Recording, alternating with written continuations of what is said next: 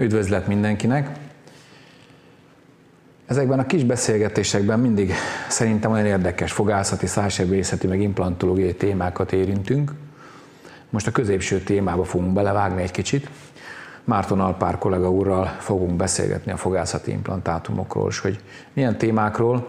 Részben van nálam egy csomó kérdés, amit a korábbi részeket megnéző kedves nézőink küldtek, vagy e-mailben kaptam, de most ez egy ilyen szabad beszélgetés lesz, úgyhogy remélem, hogy sok érdekes információt meg fognak önök is tudni a fogászati implantációval kapcsolatban.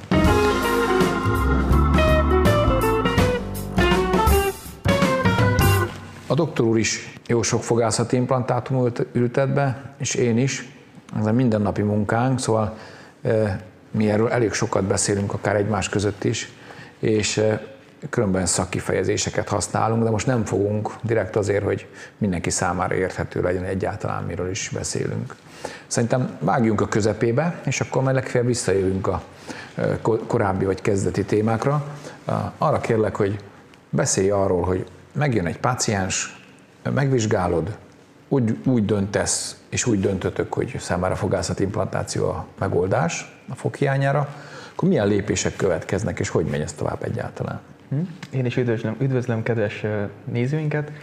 Tehát a legfontosabb, hogy ide, amikor bejön a paciens, hogy fogászati implantátumot szeretne, sajnos, nem sajnos, általában a Google-nek, meg a emberek közötti kommunikációnak köszönhetően mindenki már nagyon jól tudja, hogy itt mi fog történni, mi lehet a jó meg a rossz kimenetele a dolognak, és ezt is szeretnénk most elérni, hogy egy picit tisztába tegyünk egy-két dolgot.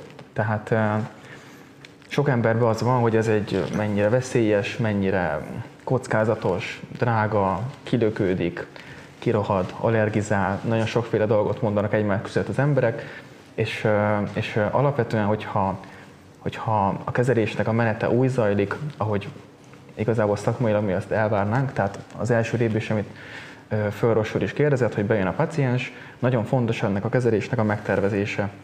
Nem elég az, hogy bejön valaki egy foghiánya, beültetjük az implantátumot, boldogan távozik, hanem ezt nagyon jól meg kell tervezni. Fontos, hogy amikor bejön, megtudjuk azt, hogy először is van-e valamilyen háttérbetegsége, ilyen például a cukorbetegség, vagy valamilyen rosszogás, a dohányzás például, vagy a szájhigiénés szokásai, amire mondjuk ő azt gondolja, hogy jaj, doktor úr, napi ötször mosok fogat, lehet, hogy az mégse elég sajnos, mert nem a mennyiség a lényeg ebből, hanem a minőség, ugye.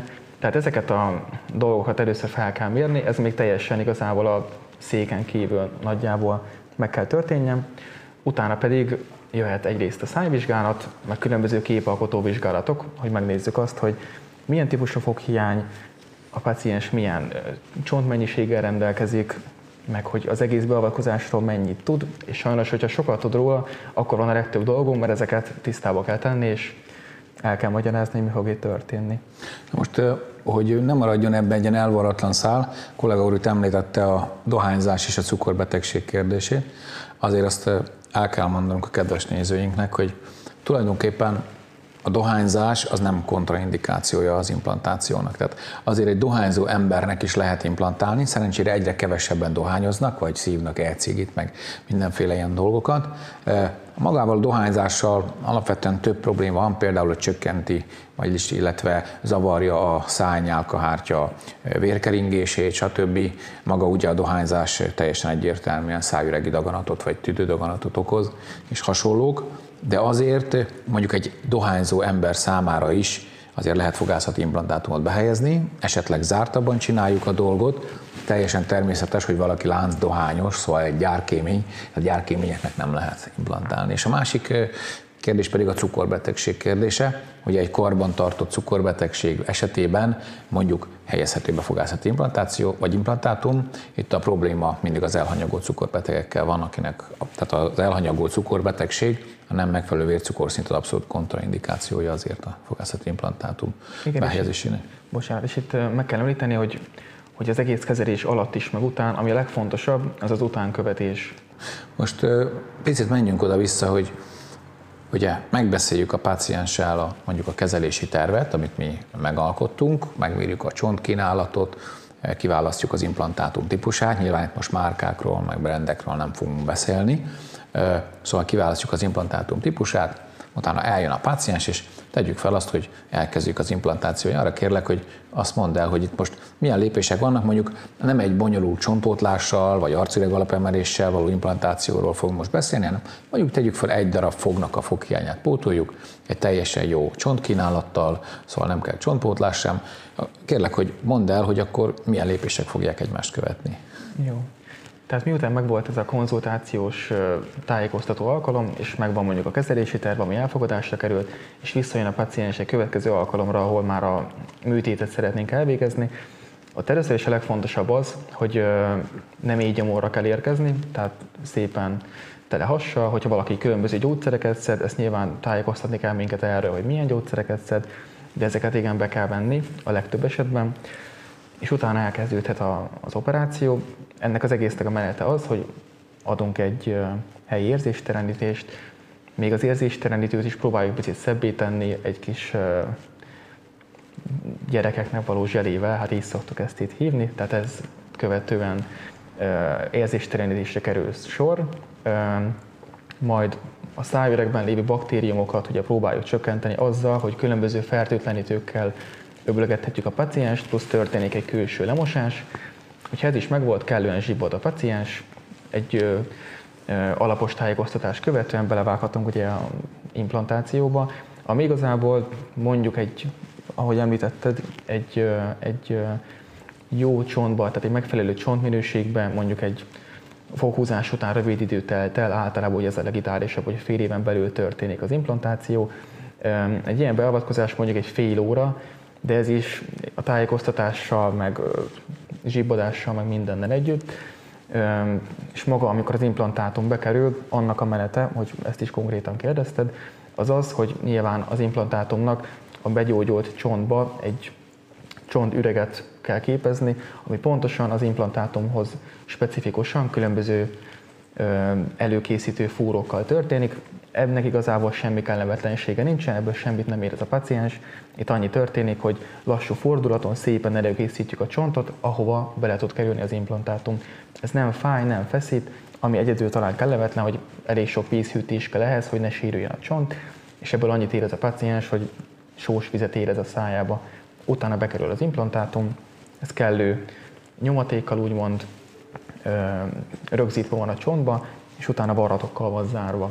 Az, hogy mondjuk említetted korábban, hogy, hogy zárt vagy nyitott ez az implantáció, itt például, hogyha valaki rizikópaciens, jobban szeretjük, hogyha az íny az implantátum fölött varratokkal össze van szorosan zárva, ezáltal jobban védve van, vagy mondjuk csontpótlásoknál, hogyha bonyolultabb esetről van szó, de varratokkal rögzítjük a ö, ö, sebet. Hogyha úgy döntünk, hogy kellően jó a csont, kellően stabil az implantátum, akkor egy úgynevezett ínyformázóval tudjuk zárni a sebet. Ez azt jelenti, hogy egy kis csavar belekerül az implantátumba, és akköré fogjuk a varratokkal az ínyt rögzíteni. Ennek egyébként nagy erőnye az, hogy utána, hogyha letelt a gyógyulási idő, akkor már nincs szükség újabb sebészi beavatkozásra. Ezt a kis csavart kicsavarjuk, és már a leendő koronának a gyönyörű íny ágya megvan, ami aztán védi is majd az implantátumot. Úgyhogy ez a sebészi fázis. Utána készül még egy kontrollröntgen felvétel, a legtöbb esetben ott meggyőződünk róla, hogy különböző anatómiai fontos pontokat sikerült elkerülni, fogak nem, tehát hogy az implantátum pozíciója az megfelelő a majdani protetikai fogpótlástani műveletnek. Szóval az azért is fontos, hogy megfelelő legyen ilyen szempontból is, tehát a fogpótlás készítéséhez, mert tulajdonképpen az implantáció célja is az, hogy arra fogpótlást készítsünk nyilván. Mm. Különben most ugye eszembe jutott, hogy mi olyan sok szép dolgot tudunk erről az implantációról, de maga a fogászati implantációnak a helye, vagy a rangja, vagy a dicsősége, a feltalálás dicsőség az orvostudományban azért az nincs eléggé kihangsúlyozva, mert ugye tudjuk, hogy önmagában ez egy teljesen véletlen műve. Volt egy, egy svéd kutató, kicsit anatómus, kicsit élettanász, és azt hiszem nyulak végtagjain tanulmányozta a keringést, és az adott részt egy ilyen titánium kamrával rekesztette ki, és akkor hát az valahogy eltelt néhány hét, nézte a mikroszkóp alatt, aztán befejezte a tevékenységet, és azt a kamráton el szerette volna venni, amit titániumból, és szerette, hogy nem jön el az a kamra, tehát az effektív oda nőtt az a titánium kamra a csonthoz. Na most ugye a zsenialitása egy embernek ott ismerszik meg, hogy a, mert ezt mindenki észrevenni, hát, hogy oda nőtt. De ugye jöhet a gondolat, hát hogyha ott oda nőtt, akkor esetleg itt is oda nő. Tehát ez a, ez a, ez a nagy, nagy eszű embereknek egy tulajdonsága, ez a felismerés, és tulajdonképpen az, hogy egy fogatlan embernek, vagy egy foghiányos embernek, vagy egy teljesen fogatlan embernek rögzített fogpótlást lehessen készíteni implantátumok segítségével, ez nagyon-nagyon sok embernek könnyíti meg az életét, és hát nem azt akarom mondani, hogy teljesen más életminőség, egyébként ezt a teljesen más életminőséget implantációs cégek előszeretettel használják a kommunikációkban, de egészen biztos, hogy tök más egy rögzített fogpótlást viselni, mint egy kivehető fogpótlást. Szóval különben ezt az embert Pering Werbrünemárknak hívták, és a, talán egyik legnevesebb implantációs rendszer ö, ö, tulajdonosa is lett később, amit mi is előszeretettel használunk, ezt a rendszert. Egyébként az első implantátumot, ezt is álltam mesélni, egy, egy Gösta Larson nevű haverjának ültette be, akinek egyébként volt egy bizonyos betegsége, és mondta neki, hogy hát próbáljuk már meg ezt a dolgot. Beültette neki, és ez a Gösta Larson, hiszem 10, 10 évvel ezelőtt halt meg, e, sokáig, sokáig bírták ezek az implantátumok, mert még a halálakor is benne voltak. Ezek voltak az első implantátumok így a, a történelemben, ha szabad ilyen nagy szavakat használnom. Szóval, amikor ugye beültettük az implantátumot, akkor utána várunk. Várunk, mert van egy varázsszó, ami az implantációnak a varázsszava, mégpedig ez a csonttal való egyesülése az implantátumnak, vagyis az osszeointegráció, az az, amikor tulajdonképpen a csont ki tudja miért, és ez itt a nagy titok, amit mint említettem, egy csomó dolgot tudunk az implantációról, de ezt pont nem tudjuk, hogy mi a csodáért nő oda bele a titániumba gyakorlatilag az implantátum. Ugye azt kell tudni egy implantátum felszínről, hogy azt megnézzük egy ilyen scanning elektron mikroszkóp alatt, akkor az egy ilyen iszonyatosan rücskös, domborzatos felszín, mint a hold krátereket látnánk körülbelül, már egyrészt érdesítve van, másrészt homokfújva, más harmadrészt savmaratva, és attól nagyon rücskös lesz, ez megnöveli a felületet, és segít abba, hogy a csont oda belenőjön. Kérlek, mondd el azt, hogy amikor befejeztük az implantációs műtétet, meg elkészítettük a panoráma röntgen felvételt, mondjuk azon ellenőrizzük az implantátum pozícióját, akkor utána mi fog történni? Várakozás és egyáltalán. Mm. Tehát először is miután elkészült ez a kontrollröntgen, azt mondjuk, hogy minden szuper, a páciens is megnyugodott, utána először is van egy tájékoztatás, hogy mit kell utána megcsinálnia. Most ez pár szóba, először is van ennek egy tisztítás, tehát egy szájhigiénés háttere, nagyon jól tisztán kell tartania, minden este. Ez nem azt jelenti, hogy a sebet nem érintheti, tehát igenis puha fogkefével szépen meg kell tisztítani, az itt használ szájablítőt használnia kell a varrat eltávolításig. A másik pedig van egy gyógyszeres ö, utógondozása, szükséges, mivel egy idegentest beültetésről van szó, szükséges utólagos antibiotikum terápiába részesíteni a pacienst, ez is személyre szabottan, valamint fájdalomcsillapítónak a szedése. Ezen kívül még lehet jegelni, fizikai kímélet, igazából egy általános sebészi teendők. És utána jön a gyógyulási időszak.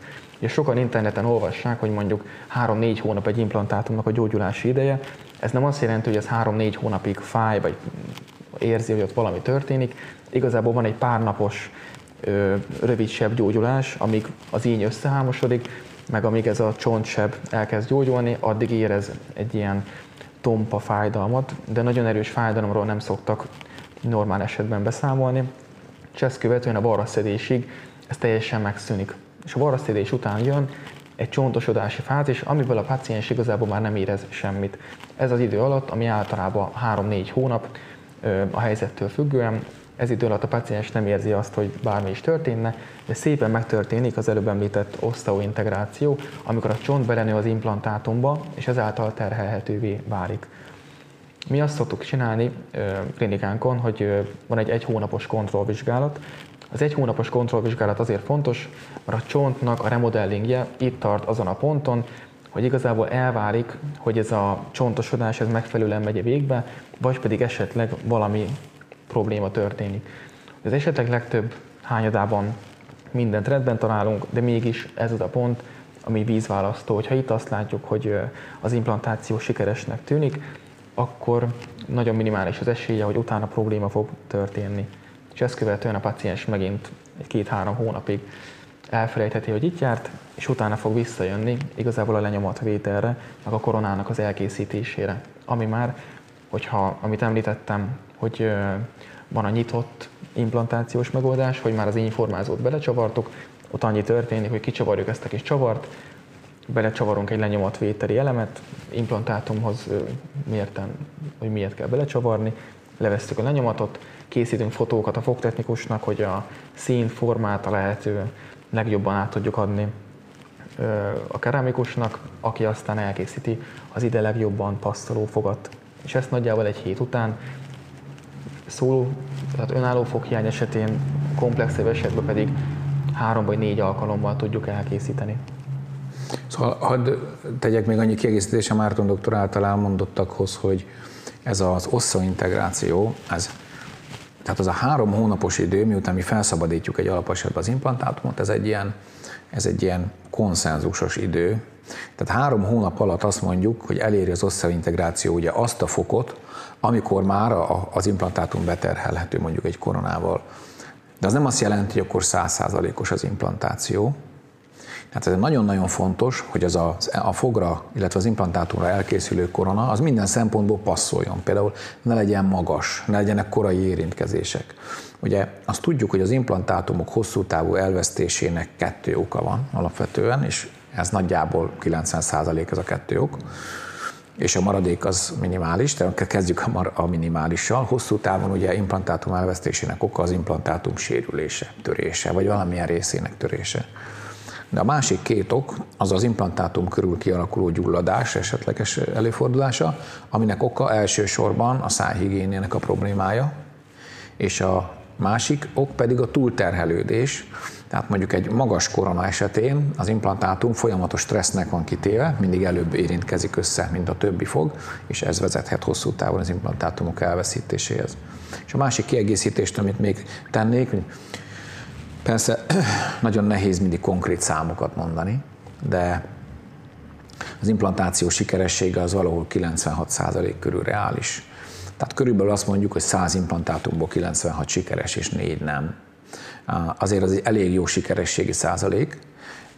Az implantátum sikerességének feltétele pedig a megfelelő implantátum és a megfelelő implantációs technika. Tehát én például azért jönnék magunkhoz, ha szabad nekem ilyet mondani, azért jönnék magunkhoz, mert mi sokat csinálunk. Tehát gyakorlatilag valószínűleg minden egészségügyi beavatkozást, mint bármi mást egyébként az életben, ott érdemes elvégeztetni, ahol abból sokat csinálnak, mert ott van meg a megfelelő rutin ahhoz, ugye, hogy ezt sokat csináljuk. És még egy gondolat, itt az előbb beszéltünk arról, hogy, illetve kollega úr mondta, hogy a, az implantátum behelyezésének mi az ideális ideje, hogy a fog elvesztése után mennyivel, vagy a fog eltávolítása után mennyivel. Ha nagyon szeretik a paciensek, ugye a különböző, a Google-in, a különböző hát mondjuk kereséseikben olyan szavakat megtalálni, vagy megragadni, amiket számukra bekínálnak. Ez egy ilyen szó, az azonnali implantáció, ami nagyon csábítónak tűnik, mert az azonnali implantáció az azt sugalja, hogy, hogy mondjuk, mondjuk azonnal foga lesz az embernek, vagy valami ilyesmi a foghiányra. Ugye? Na most ez a hívó szó, ez nagyon korlátozott esetekben igaz. Tehát egy fog elvesztése esetén azonnali implantációt csak akkor lehet csinálni, ha például az a baleset, mondjuk egy balesetben veszett el az a fog, és akkor teljesen friss az alveolus, vagy a fogmeder, és akkor el lehet távolítani a fogat, és oda frissen be lehet ültetni az implantátumot, vagy a fog körül semmiféle gyulladás nincs, mégis valamiért el kell távolítani. De ha a fog körül ilyen-olyan gyulladások vannak, tehát hogy csak például már olyat ne is mondjak, hogy a fogágyból geny szivárog, mondjuk, Hát abba, abba az alveolusba ugye implantátumot beültetni, az egy teljesen szakmailatlan dolog, teljesen szabálytalan, és az implantátum elvesztésének ugye a rizikóját az nagyon-nagyon megnöveli. Így van. Van egy általunk kedvelt implantációs módszer egyébként, teljesen fogatlan szájüreg esetén alkalmazzuk, amikor azonban mégis azonnal terheljük a, az implantátumokat, és egy hosszú távú ideglenes fogművet azonnal elkészíthetünk rá, úgyhogy most megkérem a kollega urat, hogy erről beszéljen egy kicsit nekünk. Jó, tehát visszatérve az azonnali implantációra, itt is meg kell különböztetni azt, hogy ha mondjuk egy fog hiány esetén azért döntünk amellett, hogy azonnal implantáljunk, hogy ott a környező szöveteket a lehető legjobban megőrizzük. Ez az az eset, amikor mi is ezt javasoljuk. Például frontfogoknál van gyakran ez, ott annyira vékony ugye a csont a meglévő fogak előtt, hogyha a fogak eltávolításra kerülnek, nagyon gyakran ez a külső csontréteg, ez egyszerűen lesorvad. És hogyha megvárjuk ezt, hogy lesorvadjon a csont, elterik ez a 3-4 hónap, amire most azt mondtam az előbb, hogy ideális egy implantátum behelyezésére, ha megtörténik ez a sorvadás, utána már tökéletes esztétikai eredmény nagyon nehéz, nagyon komplikált, különböző csontpótlásokkal, énszöveti pótlásokkal lehet elérni. Ellenben, hogyha meg tudjuk azt oldani, hogy ez a fogeltávolítás úgy történjen meg, különböző okokból például, hogy eltörik egy fog baleset által, vagy pedig mondjuk egy rossz gyökérkezelés, egy rossz csapos felépítés által, és azonnal el tudjuk távolítani úgy a fogat, hogy ez a csont ez teljesen épp marad, akkor ez azért nagyon jó, mert ez a külső csont, amit említettem, így úgymond érzékeli azt, hogy ennek még van ott dolga, és szépen úgy tud gyógyulni, mint hogyha ezt a fogat venné körül az eredeti anatomikus helyzetét kialakítva magának. Tehát ilyenkor kifejezetten ajánljuk az azonnali implantációt. Az azonnali implantáció miután megtörtént, és, és azt látjuk, hogy a csontnak a helyzete teljesen megtartott. Utána még nagyon fontos az, hogy a környező ényszövet hogy fog gyógyulni.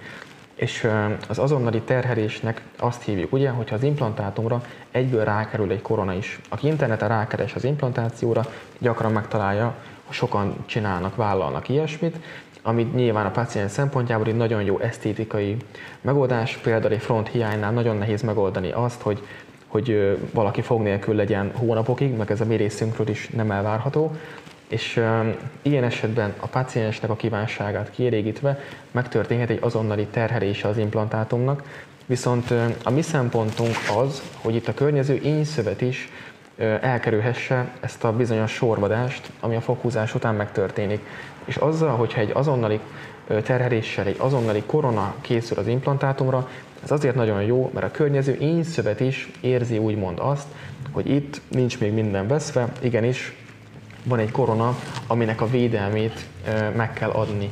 Tehát az azonnali terhelés során bekerül a korona is az azonnali implantációra, viszont itt nagyon-nagyon gondosan kell arra ügyelni, hogy ez csak akkor történhet meg, hogyha ez az implantátum kellő stabilitással tud rögzülni, a másik pedig, hogy úgymond harapásból, az oklúzióból el kell távolítani ezt a fogat. Tehát, hogyha valaki összeharap, az alsó fogaihoz nem érhet hozzá, valami nagyon kell figyelni arra, hogy például az alma bármennyire is egészséges, arra most nem érdemes ráharapni. Úgyhogy az azonnali implantáció, azonnali terhelésnél mi ezeket a szempontokat veszük figyelembe, hogy minél jobban a környező anatómiai szöveteket meg tudjuk menteni, úgymond, és egy tökéletes, százszázalékos esztétikai megoldást tudjon nyújtani a pacienseinknek. És ezek mellett van olyan például, amikor nem egy fog eltávolításáról van szó, hanem mondjuk egy teljes fogatlanítás során valakinek úgy, hogy megvolt mondjuk a teljes fogsora, és sajnos különböző okok miatt teljesen el kell távolítani minden fogát. Ilyenkor is tudunk beszélni azonnali implantációról, és erről főorvosról megkérdenek, hogy temesséi. Szóval még azért most is kell, eszembe jut egy csomó dolog, amikor a kollega úr beszél, és az a baj, most nincs nálam papírt ceruza, úgyhogy nem tudom felírni, de most például eszembe jutott, hogy ugye mondottad, hogy, hogy megfelelően jól álljon az implantátum a, a csontban, vagy megfelelő stabilan álljon, és akkor lehet ugye azonnali terhelés. Ez csak egy kis kulisszatitok, mert ugye valószínűleg aki nem csinált még ilyet, vagy nem foglalkozott ezzel, az nem tudja, hogy az mitől áll ott klasszul Ugye a csontállomány, a csontszerkezet határozza ezt meg, de mikor mi behelyezzük az implantátumot, akkor nekünk van egy ilyen erőkarunk, egy ilyen nyomatékmérőnk, és azzal mi pontosan meg tudjuk határozni azt, hogy hány newton centiméterrel rögzül ez az implantátumot bent a csontban. És vannak ilyen határértékek, ezt most nyilván nem fogom elmondani, de vannak határértékek, ami fölött már meg lehet csinálni ezeket az azonnali terheléseket, esetleg úgy, hogy ki kell venni a terhelésből a koronát, és az alatt pedig nem szabad megcsinálni. ha valaki azért olyat olvas és olyan reklámra talál, vagy olyannal csábítják, hogy, hogy nem tudom hány implantátumot behelyeznek neki az összes foga helyén, és már egy pár nap múlva ott, vagy már szinte azonnal rögzített fogpótlása lesz, azért a, a gyanú ébredjen föl, hogy hát lehet, hogy ez, hogy ez nem teljesen megalapozott, ez az elképzelés. Van azonban egy elképzelés, vagy egy kezelési technológia, amire a kollega úr utalt, ami most már 20-25 éve tudományosan is megalapozott, ez az All on 4 vagy All on 6 technológia. Itt teljesen hagyományos és teljesen normális implantátumokkal dolgozunk, teljesen fogatlan álcsont esetén. Most, hogy az mikor lesz fogatlan, tehát tulajdonképpen mi tesszük fogatlannál, mert el kell távolítani a folkat, vagy az illető már régóta mondjuk egy teljes lemezes kivehető fogpótlást viselt, amit esetleg nem is tud használni, és nem is tud megszokni, tehát már régebb óta fogatlan. Az ilyen szempontból teljesen mindegy. Ebben az esetben négy darab implantátumot ültetünk be alapesetben az all-on fornál, tehát minden a négyen típusú fogpótlásoknál az alsó vagy a felső álcsontba. Hogyha mondjuk vegyük azt, hogy a paciens áll, akkor a két előső, mondjuk a kettes, tehát a kismetsző fogak helyére behelyezett implantátumokat, azokat függőlegesen, és az ötös fogak helyére, tehát a második kísérlő fogak helyére beültetett implantátumokat, pedig olyan 30-40 fokban döntve, előrefelé döntve fogjuk behelyezni. Ennek alapvetően anatómiai oka van ennek a behelyezésnek. A felső álcsonton az arcüreget kell elkerülni ezzel a döntéssel, az alsó álcsonton pedig az álkapocsban futó ideg, a háromosztató ideg hármas ágának, a végágának, a nervus mentalisnak a kilépési pontját, és ott azért kell bedönteni ezeket a, az implantátumokat. És ilyenkor a négy implantátum beültetését követően már azonnal lenyomatot lehet venni, ennek van egy feltétele, ez, amire az előbb utaltam, és ezért is mondtam el, ez a bizonyos stabilitás. Tehát egy, ezeknek az implantátumoknak nagyon klasszul kell a csontba állni, van egy bizonyos határ, ami fölött ezeknek ott kell állni ahhoz, hogy ezekre fogpótlás legyen készíthető. Ebben az esetben a négy implantátumra a lenyomatvétel a négy implantátumról, illetve az azokba kerülő úgynevezett multi-unit fejekről a lenyomatvétel már az implantációt követően megtörténik, és akkor el is lehet készíteni egy hosszú távú ideiglenes fogpótlást. Zárójelben mondom csak, hogy néha még azt is meg lehet csinálni, hogy a paciens által addig viselt teljes kivehető fogpótlást átalakítjuk, át, átfaragjuk itt a rendelőben, és akkor az szolgálhat hosszú távú ideiglenes fogpótlásként, majd egy fél, egy év múlva elkészülhet az implantátumokra a végleges fogpótlás. Úgyhogy az ólomfor tulajdonképpen arra való, hogy a teljes fogatlanság állapotában négy implantátumból néhány nap alatt rögzített fogpótlást lehessen készíteni a páciensnek nagy megelégedéssel eh, hordják a pacienseink ezeket a, ezeket a fogpótlásokat, és nagyon be is vált ez a módszer. A nagy előnye az az azonnaliság. Ugye mai világban minden, minden azonnal kell, rohan az idő, nincs idő, senki nem várakozik. A dolog ott nyer létjogosultságot, amikor valakinek mondjuk minden fogát el kell távolítani valamilyen okból, és nincs lehetőségünk azt megvárni, hogy az implantátumok ugye hagyományos módszerrel összaintegrálódjanak, vagyis nincs lehetőségünk arra várni, hogy mondjuk 3-4 hónapig, vagy 6 hónapig a csontpótlás is volt, vagy arcürege alapemelés is volt, akkor a páciens vagy teljesen fog nélkül legyen, vagy egy, egy kivehető fogpótlást kelljen viselni, amit nem mindenki visel el. Jó, az ólomfornak még a másik nagy előnye, hogy elkerülünk vele csontpótlási manővereket. Az ólomfornál sosincs csontpótlás. Jó? Az ólomfornál olyan stabilitása kell legyen az implantációnak, hogy ott nem lehet fogpótlással számolni. Tehát az az eset, amikor egyébként fogpó, vagy csontpótlást kell valamiért csinálni, az biztos nem ólomfor, és például az arcüreg alapemelést is ezáltal el lehet kerülni. Na most, hogy ezt valakinél meg lehet-e csinálni, vagy nem, ugye nálunk ez egy protokoll, hogyha megérkezik a páciens és először vizsgáljuk, akkor minden esetben készítünk egy CBCT felvételt. Ugye a CBCT felvétel az egy háromdimenziós felvétel, amin pontosan meg tudjuk ítélni a csontnak az állapotát, a mennyiségét, és ezáltal pontos kezelési tervet föl tudunk állítani. Tehát csak akkor csinálunk kólonfort, ha annak minden anatómiai feltétele megvan. Egyébként ez az implantációra is vonatkozik. Talán erről ennyit. Kérlek, mondja arról valamit, hogy milyen típusú implantátumrendszereket érdemes használni, vagy mitől ismerszik meg a jó implantátumrendszer, illetve egyáltalán mondjuk, mondjuk érdemese kisebb rendszereket, vagy inkább nagyobbakat, van olyan rendszer, amit sokat használunk, kérlek beszélj erről egy kicsit. Tehát nagyon fontos az, hogy egy átlag ember, hogyha interneten keresgél, akkor azt látja, hogy nagyon sok implantációs rendszer van, különböző reklámok, hirdetések, ezek alapján tudnak dönteni, igazából szakmai döntést nem tudnak nyilván hozni. És ezért fontos az, hogy egy rendelő olyan implantációs rendszert válaszol, aminek van múltja, és valószínűleg lesz jövője is. Az, hogy amit felfedeztek, hogy ez a titán szépen integrálódik a csontba, becsontosodik, ez igazából még márkától független, tehát itt maga a titánnak, ami voltja az, ami ezt meg fogja tenni. Viszont az, hogy, hogy egy implantátumra korona tudjon készülni, mondjuk 20 év múlva is korona tudjon készülni, ahhoz nagyon fontos az, hogy ez a márka, ez még mindig éljen, még mindig találjunk hozzá eszközöket. Sok ember azt gondolja, hogy implantátum. Implantátum van egy csavarhúzó, és akkor itt minden mindenhez passzolni fog, de sajnos ez nem így van. Ahány implantációs rendszer, annyi csavarhúzó, annyi lenyomati fej, és például mi is sokszor futunk bele abba, hogy bejönnek az utcáról olyan paciensek, akinek mondjuk 20 éve implantáltak, gyönyörűen be van csontosodva, a titán az megtette a dolgát, biztos, hogy egy jó márka volt annak idején, de már nincsen, nincsen meg a paciensnek a márka, nincsen már, hogyha esetleg meg is van a márka, akkor már akkor is nem találjuk meg hozzá az eszközöket, és van olyan helyzet, amikor nem tudunk rá fogpótlást készíteni. Tehát igazából a legfőbb szempont, amit választani kell, azon túl, hogy, hogy nekünk ez sebészileg megfeleljen, az az, hogy később, hosszú távon, főleg, hogyha életes szóló garanciát vállalunk egy implantátumra, tudjunk mihez nyúlni, meg legyen hozzá az eszközünk.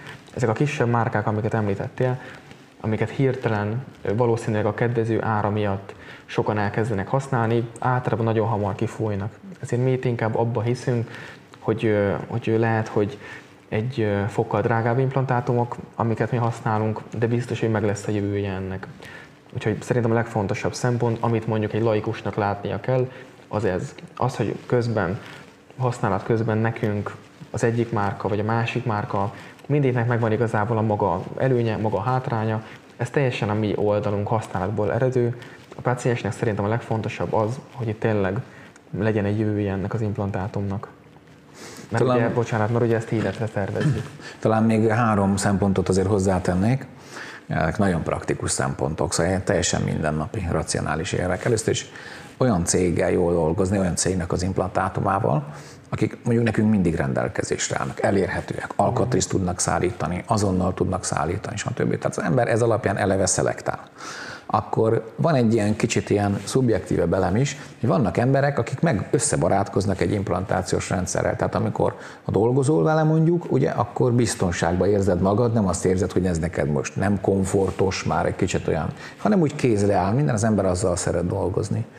És hát a harmadik szempont, ez például csak teljesen úgy véletlenül jutott eszembe, de ez egy teljesen evidens dolog, hogy az implantátumnak a minősége, a felületkezelése, a mögötte levő kutatások nyilván drágábbá tesznek egy implantációs rendszert. Tehát azért a drágább implantációs rendszer azok, azok szakmailag azok megalapozottabbak és van például egy teljesen technikai dolog, ami viszont a mi szempontunkból nagyon fontos, ez az úgynevezett tehát a felépítmény és az implantátum testének az összecsatlakozása. Hogy ez a csatlakozás az, az olyan legyen, hogy egyrészt tökéletesen zárjon, tehát ne menjen be a nyál, ne menjenek be a kórokozók, és elmozdulás legyen, ez elmozdulásmentes legyen ez a csatlakozás, ez borzasztó fontos. Na most a olcsóbb implantáció, implantációs rendszereknél ez egy korábbi megoldás, esetleg egy korábbi technológia, a mostaniaknál, illetve a drágábbaknál meg egy mostani technológia, szóval ilyen szempontból az ár befolyásolja a minőséget is az implantációs rendszereknél.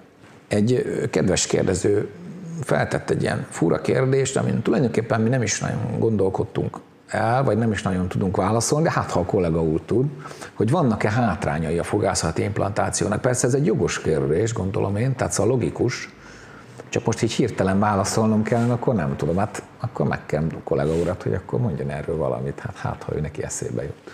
Ez egyébként az, azért egy nagyon fontos kérdés, mert sokszor látjuk azt, hogy bejön egy paciens, szuvas foggal, gyökérkezelt foggal, gyökérkezelés előtt álló foggal, és azt mondja nekünk, hogy jó, doktor úr, inkább húzzuk ki azt a fogat, kerüljön be az implantátum, úgyis az lesz a vége előbb-utóbb, és akkor, ha mi azt mondjuk, hogy az életre szóló, akkor miért nem most történjen meg, miért tíz év múlva? Igazából akkor ő osztott szorzott, így beljebb van. És ilyenkor jön elő az, hogy ez nagyon jó, de hogy mégis mi a hátránya az implantátumnak. Ugye először is nagyon fontos, hogy az implantátum lenne a legjobb megoldás, akkor jó Isten implantátumokkal teremtett volna minket, viszont ez nem így van. Ami még, hát ami a fő szempont az az, hogy a természetes fognak van egy rugalmassága, van egy receptor funkciója. A természetes fogak igazából a csontban nem úgy rögzülnek, mint mondjuk egy vas cölöp egy beton földben, hanem van egy rugalmassága, van annak egy érzékelése, hogyha mondjuk hirtelen ráharapunk valamire, annak van egy reflex, ami nem engedi mondjuk, hogyha egy kavicsot érzünk, egyből, kinyit, egyből kinyitja a szánkat automatikusan. Egy implantátumnál ez nem így van. Egy implantátumnál addig csukunk, amíg tudatosan ezt a zárást nem fejezzük be. Ott nem lesz fájdalom, ott nem lesz érzékenység, ami a paciens szempontjából jó hangozhat, viszont ez a receptor funkció az nagyon fontos. Tehát ami nekem ö, eszembe jött legnagyobb hátrány az implantátum használata közben, az például ez. A másik nagyon fontos az az, hogy egy implantátum az annyiban nehezebben tisztítható, mint egy természetes fog. A természetes fogak ugye nem kör alakúak, azok szélesebbek, jobban kitöltik az ínyt, az a koronának a méretéhez képest nincs olyan nagy keskenyedés, mint mondjuk egy implantátum esetében. Egy implantátumnál sokkal jobban be tud szorolni az étel, sokkal nehezebb tisztítani, sokkal több lepedéket vesz fel a terület, tehát az igaz is nagyobb gondozást igényel, mint egy természetes fog. Ebből adódik még, hogy a természetes fognak, mivel van keringése, főleg egy élő fog esetében, ott, ott az immunrendszer sokkal nagyobb védekező képességre képes, mint mondjuk egy implantátum esetében. Tehát ez is egy, egy fontos szempont. Például egy gyulladásban lévő fogágybeteg fog, az, az sokkal lassabb a folyamat, mint egy implantátumnál.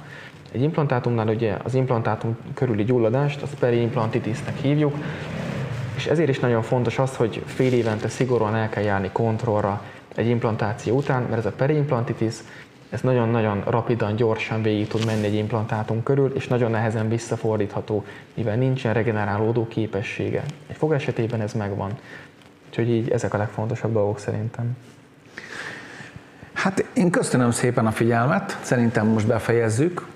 Vannak még kérdések, amiket meg kell válaszolnunk, de majd azt legközelebb, mert nagyon hosszúra nyúlik ez a beszélgetés. Én remélem, hogy sok érdekes információval tudtunk szolgálni. A kollega uram is nagyon kellemesen beszélgetett itt velem, és nagyon jó dolgokat mondott, úgyhogy nem hiába dolgozunk régóta együtt. Úgyhogy köszönöm szépen a figyelmet, és majd nem sokára egy másik érdekes beszélgetéssel jelentkezünk. Viszontlátásra! Viszontlátásra!